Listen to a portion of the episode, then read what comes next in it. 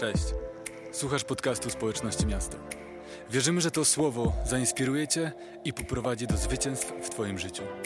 Jeśli chcesz dowiedzieć się więcej, przyjdź na nasze coniedzielne spotkania albo sprawdź nasze media społecznościowe. Widzimy się na mieście.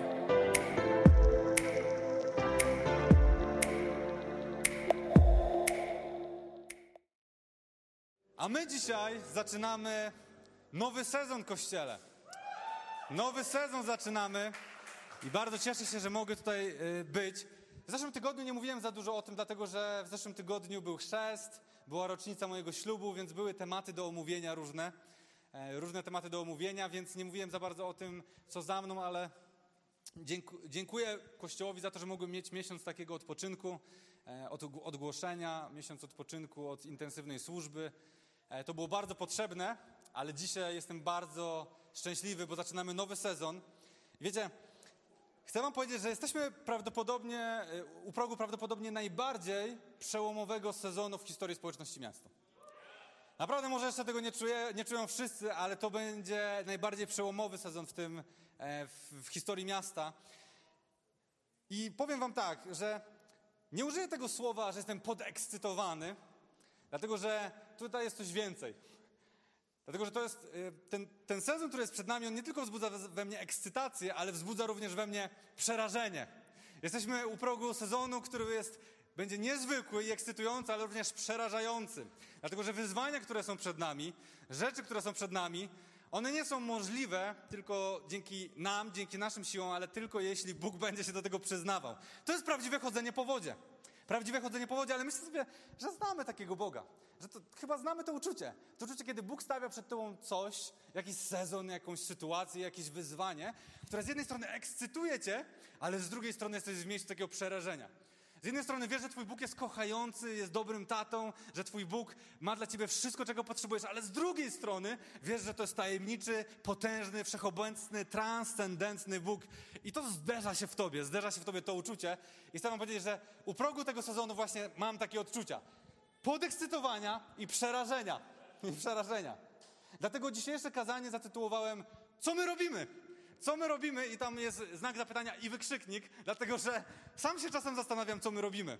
I chcę Wam opowiedzieć o tym sezonie, który jest przed nami, właśnie w kontekście tego, że z jednej strony wszystko jest przemyślane i podejmujemy mądre decyzje, wierzę, ale z drugiej strony i tak ta cała mądrość może być wyrzucona do, do śmieci, jeśli Bóg nie będzie tego błogosławił, jeśli Bóg nas nie będzie w tym prowadził.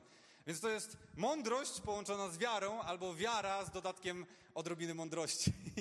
Ale tak właśnie wygląda ten sezon. Dzisiaj będę mówił o nowym sezonie naszego kościoła, będę mówił o nowym lokalu miasta i będę mówił o czymś, co sama nazwa niektórych przeraża, niektórych ekscytuje. Niedziela błogosławieństwa, niedziela hojności w naszym kościele.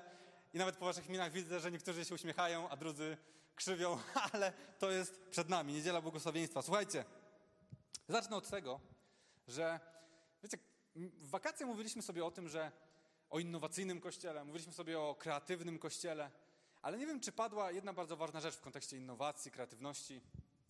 A jeszcze zanim dalej powiem, to chcę powiedzieć, że mamy dużo krzeseł, więc nikt nie musi stać. Nikt nie musi stać, więc y, nasz team techniczny na pewno może rozstawić parę krzeseł z tyłu. Ale cieszę się, że jest nas tyle, że ktoś musi stać. Także ktoś stoi. Ale zaraz wam damy krzesła. Także słuchajcie, mówiliśmy o innowacyjności, o kreatywności, ale nie wiem, czy to padło. Że każda innowacja, każdy świetny pomysł ma swój termin ważności. Ma swój termin ważności. Nie chodzi tylko o innowacje, wielkie innowacje, które zmieniają świat, które sprawiają, że rozwiązywany jest jakiś wielki problem, z którym zmaga się człowiek, ale chodzi nawet o zwykłe pomysły. To, co jest świeże w jednym sezonie, w drugim sezonie już nie będzie. To, co jest świetnym rozwiązaniem w jednym czasie, w jednej sytuacji, w kolejnych sytuacjach już niekoniecznie. Każda innowacja ma swój termin ważności, każdy pomysł, każdy system. Dlatego przed wejściem w nowy sezon warto sobie zadać pytanie, czy to, co robię, wciąż ma tę świeżość? Czy to, co robię, wciąż jest skuteczne? Czy to, co robię, wciąż realizuje ten cel, który chcę osiągnąć i zbliża mnie do tego celu? I tu nie chodzi tylko o sezon kościoła, ale chodzi nawet o każdy aspekt naszego życia. Zobaczcie, Twoja relacja z Bogiem. W jednym sezonie świetne było używanie aplikacji biblijnej z planem czytania. Codziennie miałeś sobie rozważanie, kilka wersetów, modliłeś się, rozważałeś to i to było świetne w jednym sezonie, ale okazuje się, że robiłeś to przez kilka lat i stało się to twoją rytyną, która wcale nie zbliża ciebie do Boga, wcale nie buduje twojego objawienia na temat tego, kim On jest, ale po prostu wykonujesz pewną rutynę. Może w relacji małżeńskiej. Może macie jakiś wyznaczony schemat działania, raz w miesiącu randka albo raz na tydzień randka i po prostu to jest wasz, waszą rutyną, waszym zwyczajem i to, co było świetne na początku waszego małżeństwa, ponieważ mieliście takie poczucie, wow, jesteśmy regularnie na randkach, to jest super. Okazuje się, że jest po prostu wyjściem, na tym wyjściu i tak siedzicie w telefonach albo po prostu wcale nie celebrujecie tego i wcale to nie sprawia, że jesteście bliżej siebie, tylko po prostu wykonujecie plan, jeden z elementów waszego planu, waszego grafiku. I wcale to nie jest randka, to po prostu jest obiad. Jest różnica między obiadem a randką, także mam nadzieję, że panowie znacie tę różnicę, panie na pewno, ale panowie też muszą znać. Więc rzeczy, które są w jednym sezonie świetne, świeże i ekscytujące, w kolejnym mogą być, stać się rutyną i czymś, co nic nie wnosi. I dlatego zaczynanie nowych sezonów bardzo, jest, bardzo często jest trudne. Dlatego, że wszystko, co robisz dotychczas, przeciwdziała i jest wrogiem tego, dokąd chciałbyś pójść. To jest bardzo ciekawe. Zobaczcie, wszystko, co, co robisz w tym sezonie życia, to jak masz poukładane życie, to jest wrogiem tego, dokąd chciałbyś pójść, zmieniając coś. Już wam tłumaczę, o co w tym chodzi, na przykład na, na, na przykładzie kościoła. Zobaczcie, wszystkie systemy w tym kościele wspierają to, co robimy dotychczas. To znaczy, to jak uwielbiamy, wspiera ten system, który mamy teraz i, i to, co teraz osiągamy, te owoce.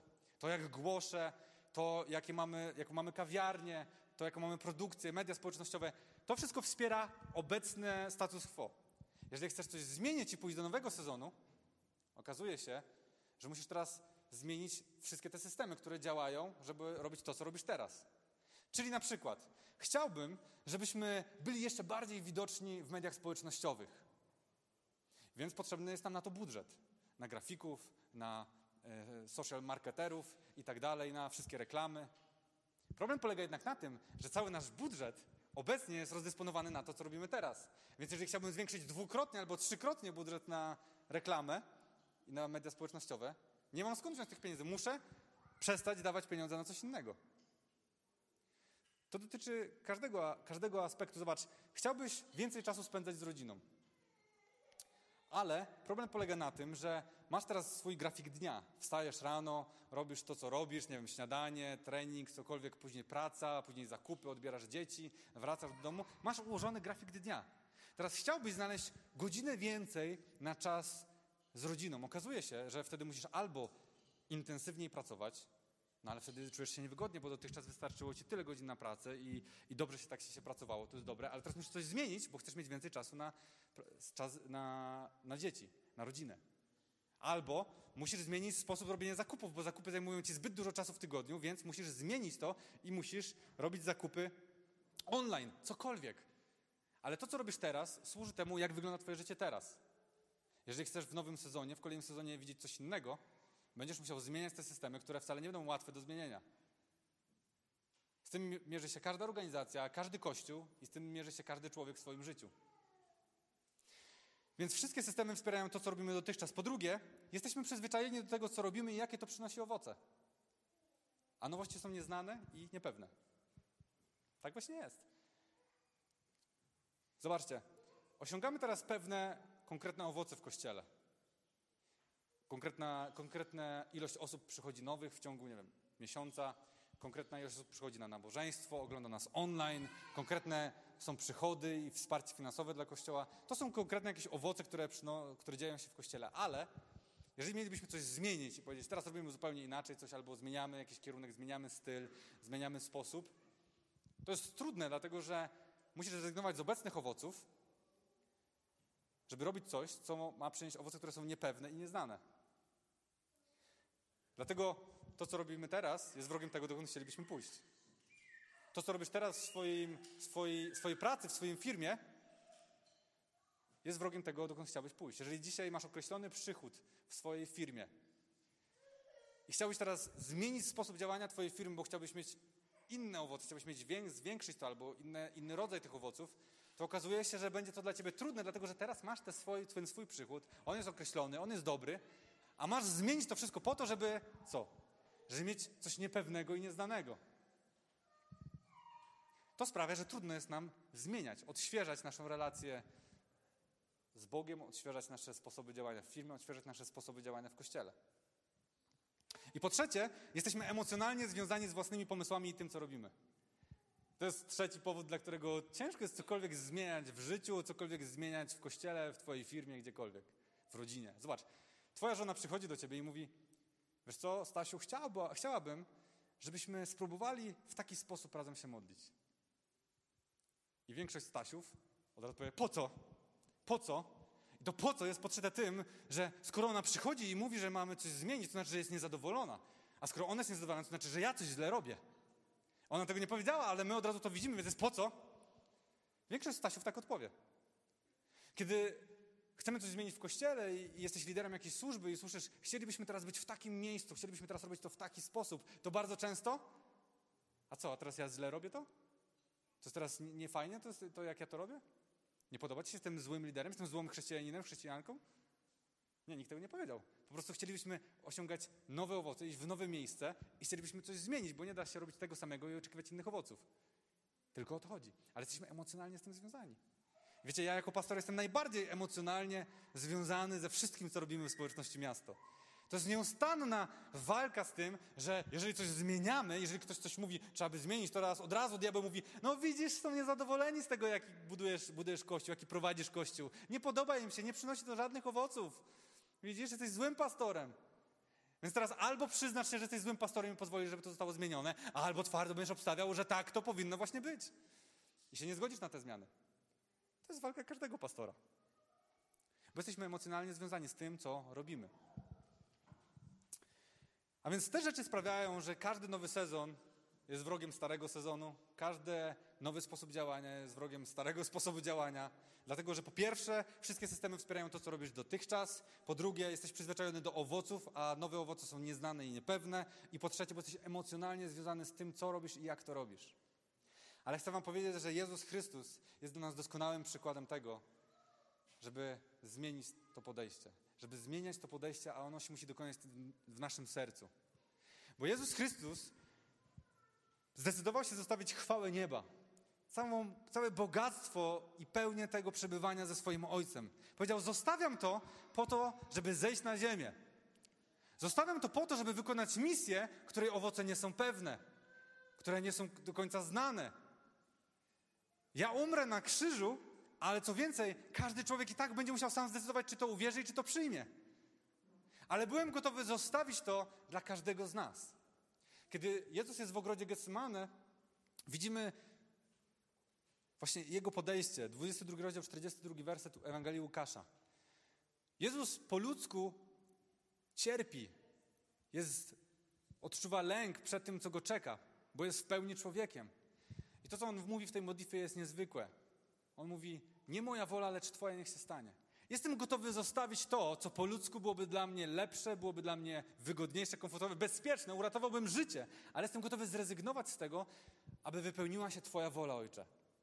To jest to, co pokazuje nam Jezus. Pokazuje nam to nastawienie, nie nasza wola, ale Twoja wola. Nie jestem przywiązany do tego, co po ludzku ja bym chciał robić, ale jestem skupiony na Twojej woli, Ojcze.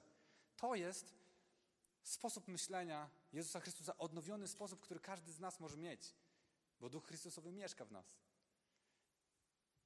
I dlatego, i dlatego chciałbym zachęcić nas do trzech rzeczy. Po pierwsze, żebyś, uważam, że trzeba być umiarkowanie przywiązanym do tego, co robisz. Umiarkowanie przywiązanym do tego, co robisz. Do tego, co robisz. Dlaczego umiarkowanie, a nie w ogóle nie być przywiązany? Bo jak nie będziesz w ogóle przywiązany, to będziesz to beznadziejnie robił. A to, co teraz robisz, jest ważne. Bo kiedyś to był ten świeży pomysł, to była ta innowacja, to było to, do czego nas wezwał Bóg. Robiliśmy to w ten sposób i jesteśmy do tego umiarkowanie przywiązani. To znaczy, że jestem do tego w jakiś sposób przywiązany, bo chcę to robić dobrze, rzetelnie, chcę robić to tak, jakbym służył nie tylko ludziom, ale Bogu. Robię to w odpowiedni sposób i jakość ma chwalić Boga. Jakość, z którą to robię, ma chwalić Boga. Ale jestem tylko umiarkowanie przywiązany.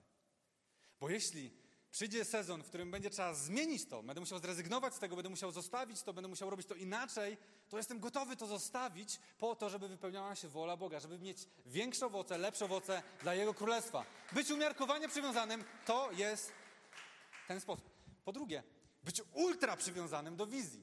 Ultra przywiązanym do wizji. To znaczy, dlaczego to robię? Dlaczego robię to, co robię? Masz być umiarkowanie przywiązany do tego, co robisz, bo dzisiaj parzesz kawę, jutro uwielbiasz, pojutrze głosisz kazanie. Wszyscy czują się zachęceni.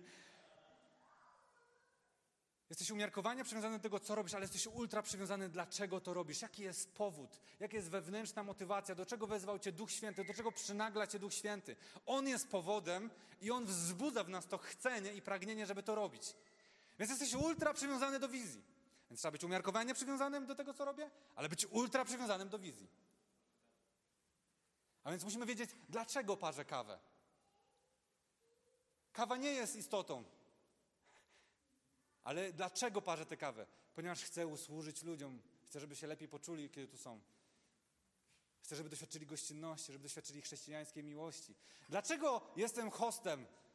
Ponieważ chcę przygarnąć ludzi, bo każdy czuje się nieswojo, kiedy przychodzi pierwszy raz. Dlaczego uwielbiam? Jaka jest moja motywacja? Czy chcę być na scenie i chcę śpiewać piosenki? Czy może chcę skupić się na Chrystusie, chcę oddać Mu chwałę i chcę zaprosić do tego cały Kościół? Dlaczego głoszę kazania? Ponieważ chcę być najmądrzejszy na świecie? Albo może dlatego, że chcę świetnie wyglądać na tej scenie?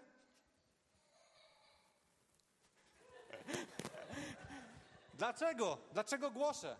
Czy może chcę wytłumaczyć ludziom i zaprosić ludzi do tego, żeby zapoznali się z Ewangelią, a więc najlepszą wiadomością na świecie, że jest zbawienie w Jezusie Chrystusie. Dlaczego to robię? Dlaczego chcemy mieć nowy budynek? Żeby nam było wygodniej? Żebyśmy mieli wszystko świeżutkie, odnowione, wyremontowane? To jest nasz powód, to jest nasze dlaczego? A więc być umiarkowanie przywiązanym do tego, co robię, być ultra przywiązanym do tego, dlaczego to robię, ale jest jeszcze trzecie. Trzecia rzecz, trzecie być. Być świadomym, czym ta wizja właściwie jest. Być świadomym, czym ta wizja właściwie jest. Słuchajcie, Biblia, albo inaczej. Ostatnio byłem na fajnej kolacji z liderami z naszego kościoła, z Jackiem i z Kasią, śliwami. W ogóle to są wspaniali liderzy. Kasia w tym sezonie, Kasia w tym sezonie rozpocznie służbę duszpasterską. Więc jeśli nie masz jeszcze duszpasterza, jeśli nie masz jeszcze osoby, która towarzyszy ci w twojej drodze, to jest nowy duszpasterz na horyzoncie, jest nowa osoba. Jestem po rozmowach z Kasią i naprawdę to jest świetna osoba do tego, żeby towarzyszyć Ci w Twojej drodze, żeby usłużyć Ci. Ona jest na posterunku i w tym sezonie będzie towarzyszyła każdemu, kto tego potrzebuje, więc zgłoś się do Kasi Śliwy. To taka reklama i ogłoszenie, ale chodzi o to, że rozmawiałem sobie z Kasią i z Jackiem, rozmawialiśmy, moja żona też tam była, i rozmawialiśmy sobie o tym, że Biblia nie podkreśla słowa wizja w takim rozumieniu, jakie, jak, jak my używamy bardzo często. Że właściwie w Biblii wizja to jest bardziej związana z proroczym e, wejrzeniem, z takim proroczym darem, z tym, że odbierasz coś ponadnaturalnego od Boga, a więc z darem ponadnaturalnym. My natomiast bardzo często używamy słowa wizja właśnie w odniesieniu do tego współczesnego znaczenia, czy takiego powodu, naszego jakiegoś takiego e, kierunku, naszego jakiegoś takiego zdania, które nas motywuje i prowadzi. Tymczasem Biblia wcale nie wskazuje koniecznie na to. E, I to mówię tylko po to, żebyśmy wiedzieli, że, żebyśmy nie nadużywali tego, co jest napisane w, słowie, w Biblii jako wizja. Ale chcę również podkreślić, że to nie znaczy, że wizja w rozumieniu tego motywu, motywu naszego działania, powodu naszego działania jest nieważna. Dlaczego? Dlatego, że w tym rozumieniu wizja, w jakim dzisiaj o tym mówię, wizja to jest nic innego jak pewien obszar, pewien motyw, pewna służba, którą Bóg kładzie na sercu nam, jako lokalnemu kościołowi. I każdy, każda wspólnota chrześcijan ma jakąś swoją wizję w tym rozumieniu jakiegoś motywu, jakiejś służby, której się poświęca. Są kościoły, które są misyjne. One poświęcają się temu, żeby wyposażać misjonarzy, żeby wspierać służby e, misjonarzy. Jest kościół, który może na przykład zajmować się szkołą biblijną i on zakłada szkołę i on kształci po prostu chrześcijan e, do tego, żeby po prostu do, do służby, do tego, żeby głosili Ewangelię. Może być kościół skupiony na uwielbieniu. Kościół, który po prostu skupia się na tworzeniu muzyki uwielbienia, na uwielbianiu. Ich nabożeństwa w większości skupione są, skoncentrowane na tym, żeby na muzycznym uwielbieniu i tym się zajmują na przykład kościoły. To jest ich wizja. Wiecie, Bóg wzbudza w różnych lokalnych kościołach, w różnych przywódców różne wizje, dlatego że chce mieć różne części ciała, ciała Chrystusa, Kościoła, które służą różnym rzeczom, po to, żeby razem tworzyły ten organizm, który może objawiać pełnię Bożego Królestwa. Ok? A więc mamy różne części, amen, to jest, to jest bardzo ważne. Mamy różne części ciała w ciele. Mamy rękę, która służy do tego, żeby się przeczesać włosy, żeby coś chwytać. Mamy nogę do tego, żeby chodzić. Mamy wątrobę, mamy serce i każda z tych rzeczy służy czemu innemu. Ale tworzą jeden organizm. Dokładnie tak samo jest z lokalnymi kościołami. Bóg wzbudza różne wizje, ponieważ chce, żeby jeden kościół zajmował się tym, drugi zajmował się tym, w tym kościele ludzi uzdalnia do tego, w tym kościele uzdalnia do tego i dzięki temu one wszystkie tworzą pełen obraz ciała Chrystusa. Więc wizja jest ważna, dlatego że musimy wiedzieć, do czego nas wzywa Bóg. Czego chce od nas jako od lokalnego kościoła. To też jest bardzo ważne dla ciebie, bo może mówić, ja nie jestem pastorem, nie jestem jakimś liderem bardzo zaangażowanym, ale stary, stara, jesteś częścią tego kościoła. Jesteście częścią tego kościoła. Z jakiegoś powodu jesteś tutaj. Jesteś tutaj dlatego, że mamy najlepszy budynek? No nie sądzę. jesteś tutaj dlatego, że, że, że po prostu przypadkiem tu wpadłeś? Może, może dzisiaj przypadkiem, ale może ten przypadek zmieni się w twoje powołanie. Kto wie. Ale jest jakiś powód, dla którego tu jesteś. Dlatego musimy wiedzieć, co tutaj robimy i dlaczego to robimy. I w tym rozumieniu potrzebujemy wizji. I w Mateusza 5, 14, 16 jest nasza wizja. To powtarzamy bardzo często. Chcę to przeczytać w trochę szerszym kontekście, żebyśmy lepiej mogli to uchwycić. Czytamy, że Jezus mówi: Wy jesteście światłem świata i nie da się ukryć miasta, które leży na górze. Nie zapalają też lampy, by ją postawić pod gardkiem. Światło umieszcza się na świeczniku, skąd obecny w domu świeci najskuteczniej. Tak niech i wasze światło świeci wobec wszystkich. Niech ludzie zobaczą wasze szlachetne czyny i wielbią waszego Ojca w niebie. Nie da się ukryć miasta, które jest położone na górze. Dzisiaj będą takie dobre rzeczy, jeśli chodzi o naszą wizję. Wiecie, ta wizja sprowadza się do tego, że chcemy być widoczni, chcemy wywierać wpływ, chcemy być miejscem spotkania, gdzie ludzie mogą doświadczyć tego, co robimy, tego, jak to robimy, tego, dlaczego to robimy i dzięki temu będą uwielbiać Boga, bo wskazywać to będzie na Boga. Chcemy być widoczni. I sprowadzając to do jednego zdania, to chcemy sprawiać, że Kościół Chrystusa jest widoczny w tym kraju. Jest widoczny w tym mieście i w tym kraju. Dlatego wydajemy płytę, którą wrzucamy do sieci za darmo, bo chcemy, żeby ludzie widzieli nasze szlachetne czyny, widzieli uwielbienie i żeby oni zaczęli uwielbiać Boga. Dlatego jesteśmy online, ponieważ chcemy głosić Ewangelię i chcemy, żeby ludzie słyszeli Ewangelię i oddali chwałę Bogu. Dlatego chcemy robić ładny design i ładne media społecznościowe, żeby ludzie widzieli to, jaka jakość jest w Kościele i żeby chwalili Boga. Robimy wszystko po to, żeby Kościół Chrystusa był widoczny w tym mieście i w tym kraju. To jest nasza wizja. Chcemy być widoczni. Chcemy wywierać wpływ. Chcemy, żeby Kościół był widoczny. I wiecie, nie chodzi o to, żeby ludzie, żeby Kościół był widoczny dla bycia widocznym, ale chodzi o to, żeby był widoczny i żeby ludzie mogli doświadczyć spotkania z Bogiem. Po to ma być widoczny. Po to Ewangelia. Po to, po to Jezus mówi, jesteście światłem świata. Nie zapala się lampy, żeby ją ukryć pod garnkiem, ale stawia się na świeczniku, żeby była widoczna dla wszystkich. Czyli robimy to wszystko, bo chcemy, żeby ludzie zobaczyli światło Chrystusa. Żeby zobaczyli, jak piękne, jak piękne jest życie z Bogiem. Chcemy ludziom to pokazać. Chcemy światu to pokazywać. To jest ten powód. I nie chcemy, żeby oni zobaczyli tylko ładne rzeczy, ale chcemy, żeby doświadczyli spotkania z żywym Bogiem. Nie wiem jak wy, ale myślę sobie o tym, że ja mam dość jakiegoś takiego religijnego podejścia, że Kościół musisz odprawić jakiś rytuał, że musisz coś, musisz powiedzieć coś, zrobić coś i, i wtedy będziesz chrześcijaninem, wtedy będzie fajnie, jak wpiszesz się w daną strukturę. Myślę, że to nie przemienia serc ludzi. Ludzie przemieniają się i, i zmienia się ich serce tylko wtedy, gdy spotkają żywego Boga. Więc chcemy być widoczni, chcemy, żeby Kościół był widoczny, żeby ludzie mogli dojść do tego spotkania. Żeby mogli zrozumieć, że Jezus Chrystus to nie jest jakaś baśń, to nie jest religia, to nie jest jakiś światopogląd, jakiś New Age, ale Jezus Chrystus jest drogą, jest prawdą i jest życiem. I w żadnym innym imieniu nie ma zbawienia, tylko w Jezusie Chrystusie. Chcemy, żeby ludzie to zobaczyli. Ja tutaj po to jestem, po to jesteśmy tu wszyscy. Amen. Amen. A więc chcemy być miejscem spotkania z żywym Bogiem. Miejscem spotkania. Przechodzimy dalej. Miejscem spotkania. Potrzebujemy miejsca spotkania. Potrzebujemy miejsca, w którym możemy my się spotykać i możemy zaaranżować spotkanie ludzi z Bogiem. Dlatego właśnie podjęliśmy to wyzwanie, aby wejść do nowego miejsca, które będzie dostępne dla nas 24 na 7. Nie będziemy tutaj przychodzić tylko w niedzielę, rozstawiać tego, próbować zaaranżować dom. To tak jakbyś co tydzień robił niedzielny obiad dla rodziny, ale w wynajętym mieszkaniu. Właśnie to robimy. Właśnie to robimy. I pomyślałem sobie, jak mam prowadzić ludzi do spotkania, jak będę co tydzień aranżował miejsce spotkania, będę próbował uczynić to domem modlitwy, mimo że w ciągu tygodnia dzieją się tu zupełnie inne rzeczy, że nie mamy tego dostępu i po prostu próbuję to zrobić rano w niedzielę, zamknąć to w niedzielę po południu i koniec. Potrzebujemy miejsca spotkania. I ostatnio byłem na spotkaniu z jednym z chrześcijańskich liderów i on powiedział do mnie niezwykłe prorocze słowa. Bardzo mnie poruszyły. Powiedział do mnie, że przez minione lata budowaliście miasto. Budowaliście miasto z solidnymi fundamentami. Ale przychodzi czas, w którym potrzebujecie góry. Potrzebujecie po, posadowić to miasto na jakiejś górze. Bo miasto bez góry nie jest widoczne. Bo miasto bez góry nie jest widoczne. I pomyślałem sobie, to jest właśnie to. Budowaliśmy przez pięć lat solidną, stabilną społeczność. Mamy wielu liderów bardzo zaangażowanych, samodzielnych, odpowiedzialnych, utalentowanych.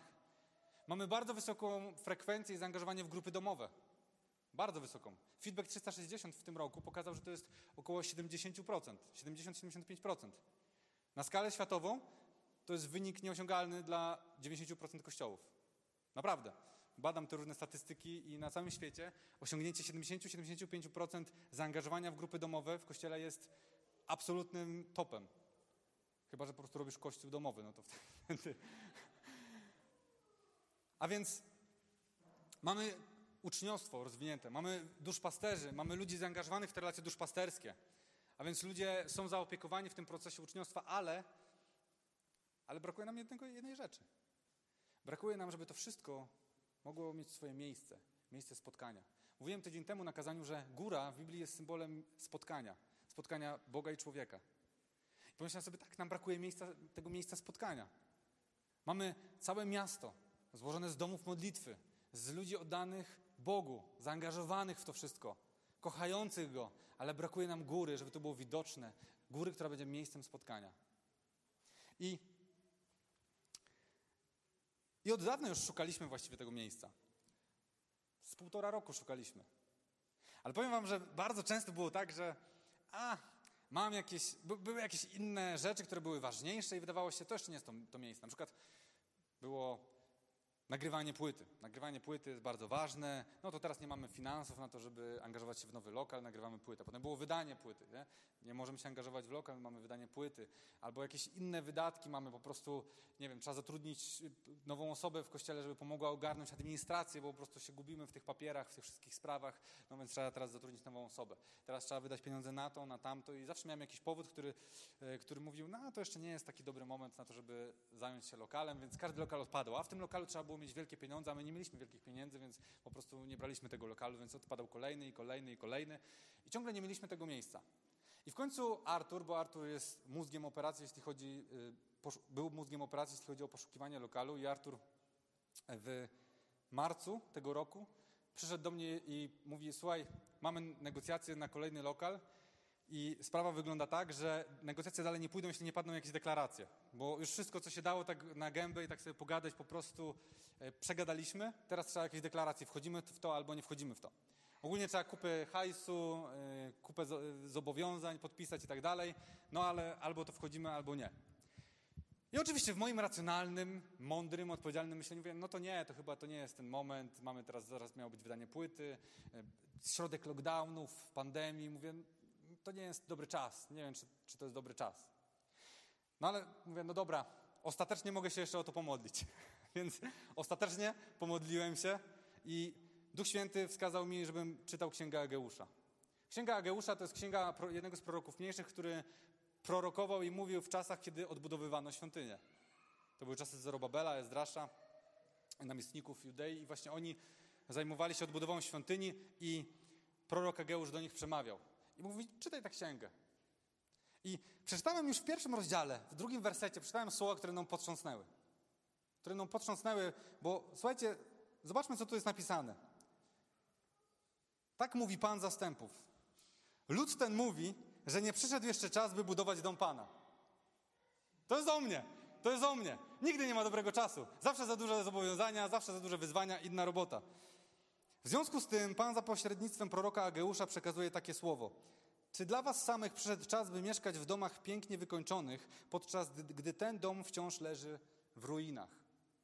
I dalej w ósmym wersecie mówi: Idźcie zatem w góry i sprowadźcie drewno i budujcie mój dom. Spodoba mi się on i zostanę uwielbiony, mówi Pan.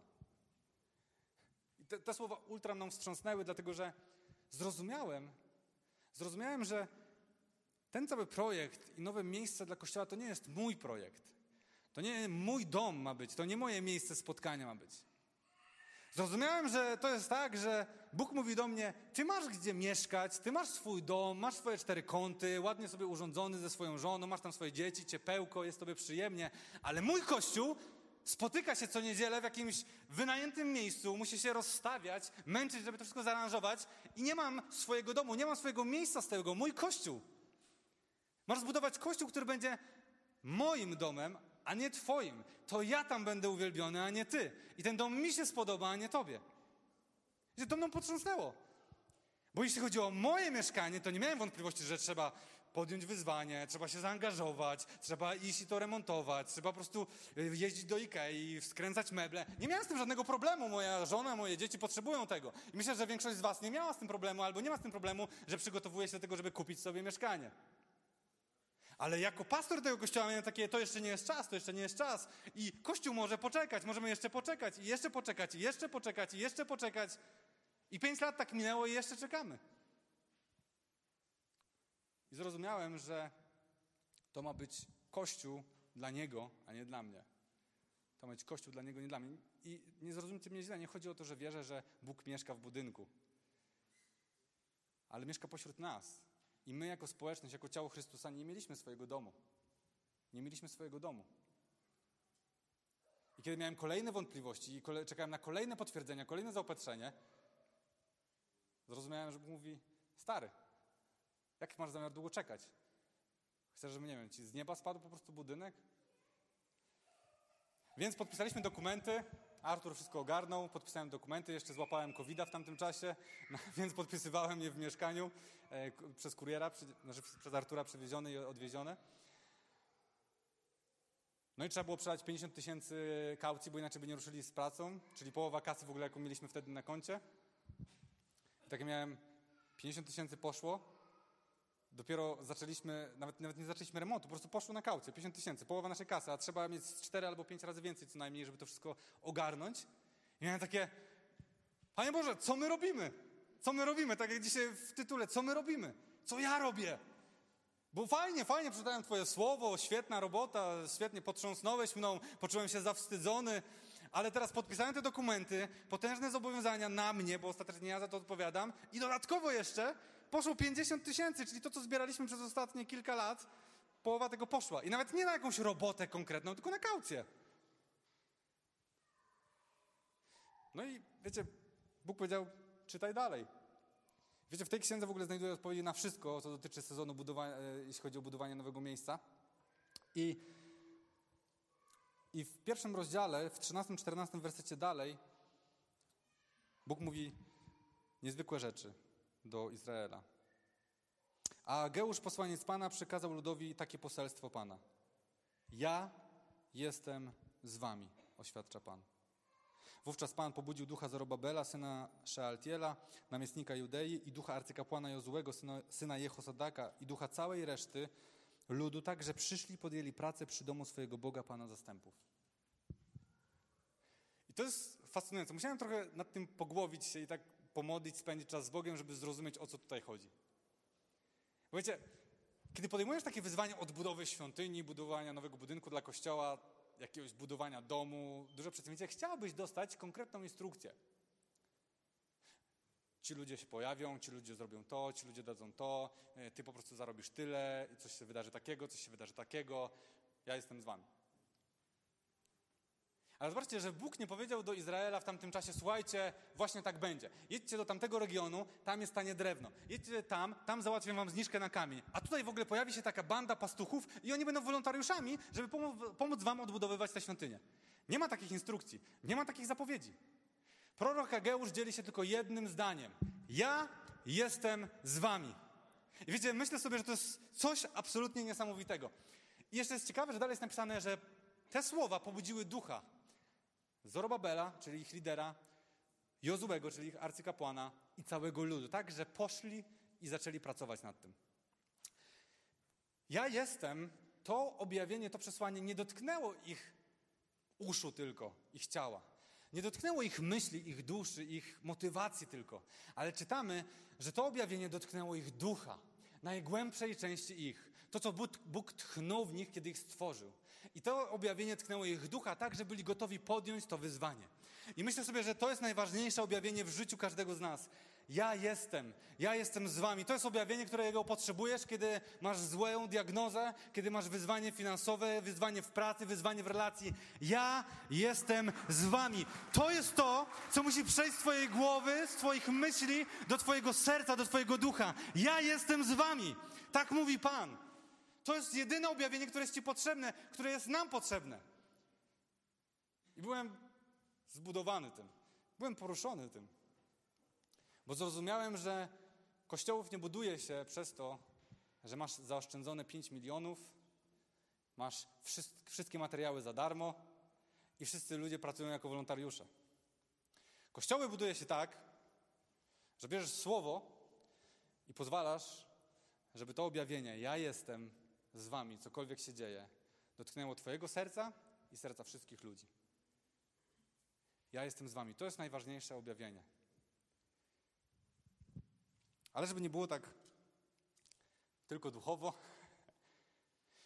to prorok Ageusz później mówi do Izraela ważne słowa na temat finansów, ale dokładnie w tym samym duchu. Nie daje super jakiejś wielkiej instrukcji, ale mówi takie słowa.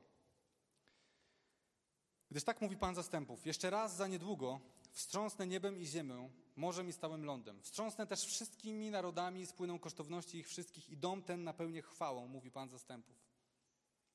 Moje jest srebro i moje jest złoto, oświadcza Pan zastępów. Przyszła chwała tego domu będzie większa niż poprzednia, mówi Pan zastępów, i miejsce to obdarzę pokojem.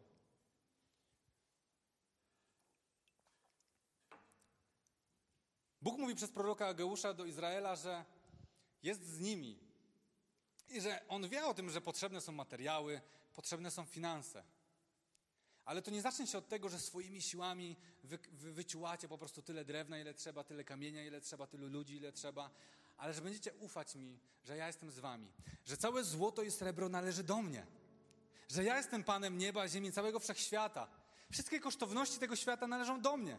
I jeżeli ja chcę zbudować swój dom, to ja go zbuduję. Waszymi rękami, ale nie waszymi siłami. Waszymi rękami, ale nie waszymi siłami. Zrozummy to. Waszymi rękami, ale nie waszymi siłami. I wiecie, musiałem oddać Bogu wszystko, zrozumieć, że ja nie zbuduję tego nowego miejsca, nowego domu dla miasta. Nie mam takiej siły, nie mam takiej opcji, ale Bóg może to zrobić. Ja nie mam pieniędzy na to, żeby położyć te pieniądze i, i dać, żeby zbudować za setki tysięcy to nowe miejsce, ale mój Bóg ma tyle pieniędzy, a nawet więcej. Mój Bóg ma te kosztowności i ma to wszystko, co jest potrzebne. Ja mam wykonać swoją część. Ja mam wykonać swoją część. Ja mam pozwolić, żeby On pobudził mojego ducha i ruszyć do tej pracy. Podjąć wyzwanie, położyć to, co mam, położyć te finanse, które mam, a Bóg to pomnoży. A Bóg potrząśnie tym i pomnoży. I kiedy czytałem sobie to wszystko o lokalu, to miałem takie, wow, muszę się tym podzielić. Będę musiał się tym podzielić. Chcę to im opowiedzieć. Chcę się podzielić tym, co Ty Boże do mnie mówisz. A w ogóle o tych finansach. Wow, to jest fajne. Takie, takie, to pasuje do tej niedzieli błogosławieństwa, do niedzieli hojności.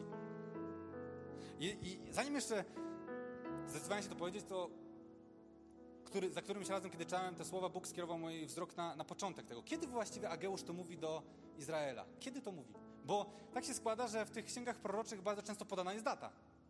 I tutaj też jest podana, podana data w siódmym miesiącu 21 dnia tego miesiąca.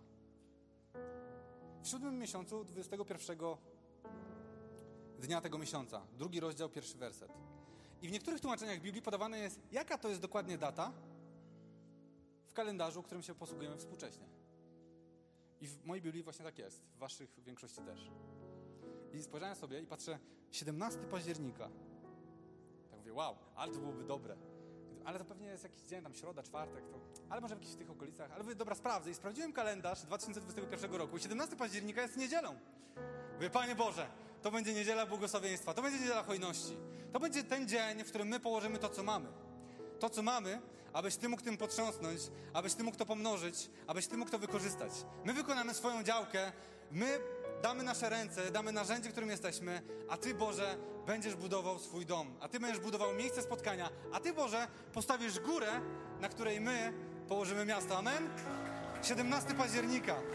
17 października, niedziela błogosławieństwa, niedziela hojności. Chcę, żebyście zapisali sobie tę datę i pomyśleli o tym, pomodlili się.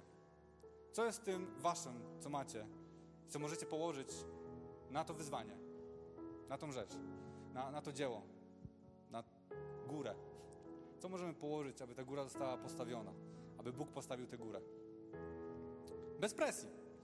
Nie wiem, nie wiem jak to się wydarzy, ale wiem, że to się wydarzy. Więc tu nie chodzi o to, że masz czuć presję na sobie jednostkowo, ale chodzi o to, żebyśmy po prostu my pozwolili, żeby Bóg nami się posługiwał. Nie wiem, co to znaczy dla Ciebie.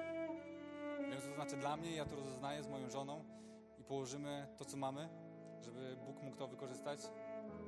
Ale chcę zachęcić. Spędź czas, mamy czas. Zawsze to ogłaszamy dużo wcześniej, żebyśmy mogli przemyśleć to sobie, rozważyć to, żeby mógł to, Bóg mógł to błogosławić, żeby, była, żeby był to dar z ochotnego serca. A więc, co my robimy? Co my robimy jako społeczność miasto?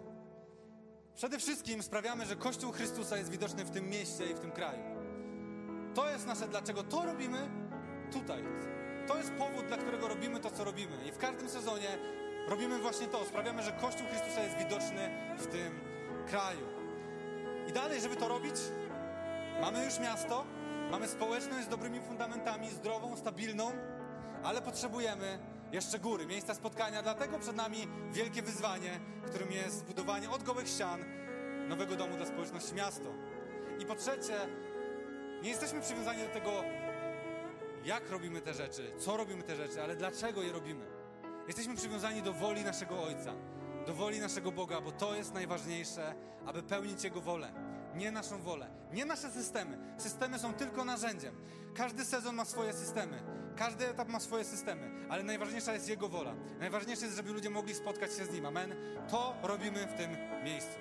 To robimy w tym miejscu. I ostatni fragment Zageusza. Właściwie już przeczytaliśmy prawie całą tę księgę, bo ma tylko dwa rozdziały.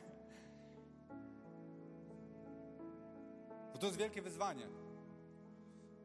Już widzę, jak liderzy są zestresowani. Co tydzień służba, w tygodniu służba, cały czas służba, remontowanie kościoła. Czuję, czuję to, co wy możecie czuć na sobie. Ale Bóg właśnie troszczy się o swój kościół i troszczył się o Izrael, kiedy on odbudowywał świątynię i powiedział przez proroka ale teraz bądź mężny Zorobabelu. Bądź mężny Jozue, arcykapłani. Bądź mężny cały ludu tej ziemi, oświadcza Pan. Piękne zdanie. Do dzieła, bo ja jestem z wami. Do dzieła, bo ja jestem z wami. Zgodnie z obietnicą, którą z wami zawarłem, gdy wychodziliście z Egiptu, mój duch pozostaje wśród was. Nie bójcie się. Nie bójcie się. Do dzieła, bo ja jestem z wami, to mówi Bóg. Chcę wam powiedzieć, że to jest nowy sezon dla Kościoła, ale to jest sezon nowy dla ciebie, w twojej firmie, w twojej szkole, na twoich studiach. I może masz te same myśli, że boisz się nowego sezonu. Boisz się, co jest przed tobą, ale chcę ci powiedzieć, że Bóg mówi tobie, ja jestem. Do dzieła! Weź to na klatę. Idź bądź światłem świata. Bądź miastem położonym na górze. Ja jestem z tobą.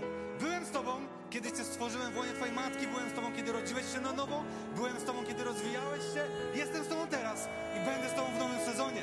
Bo ja jestem twoim Bogiem, bo ja jestem z tobą. Ja ciebie prowadzę i będę cię prowadził przez wszystkie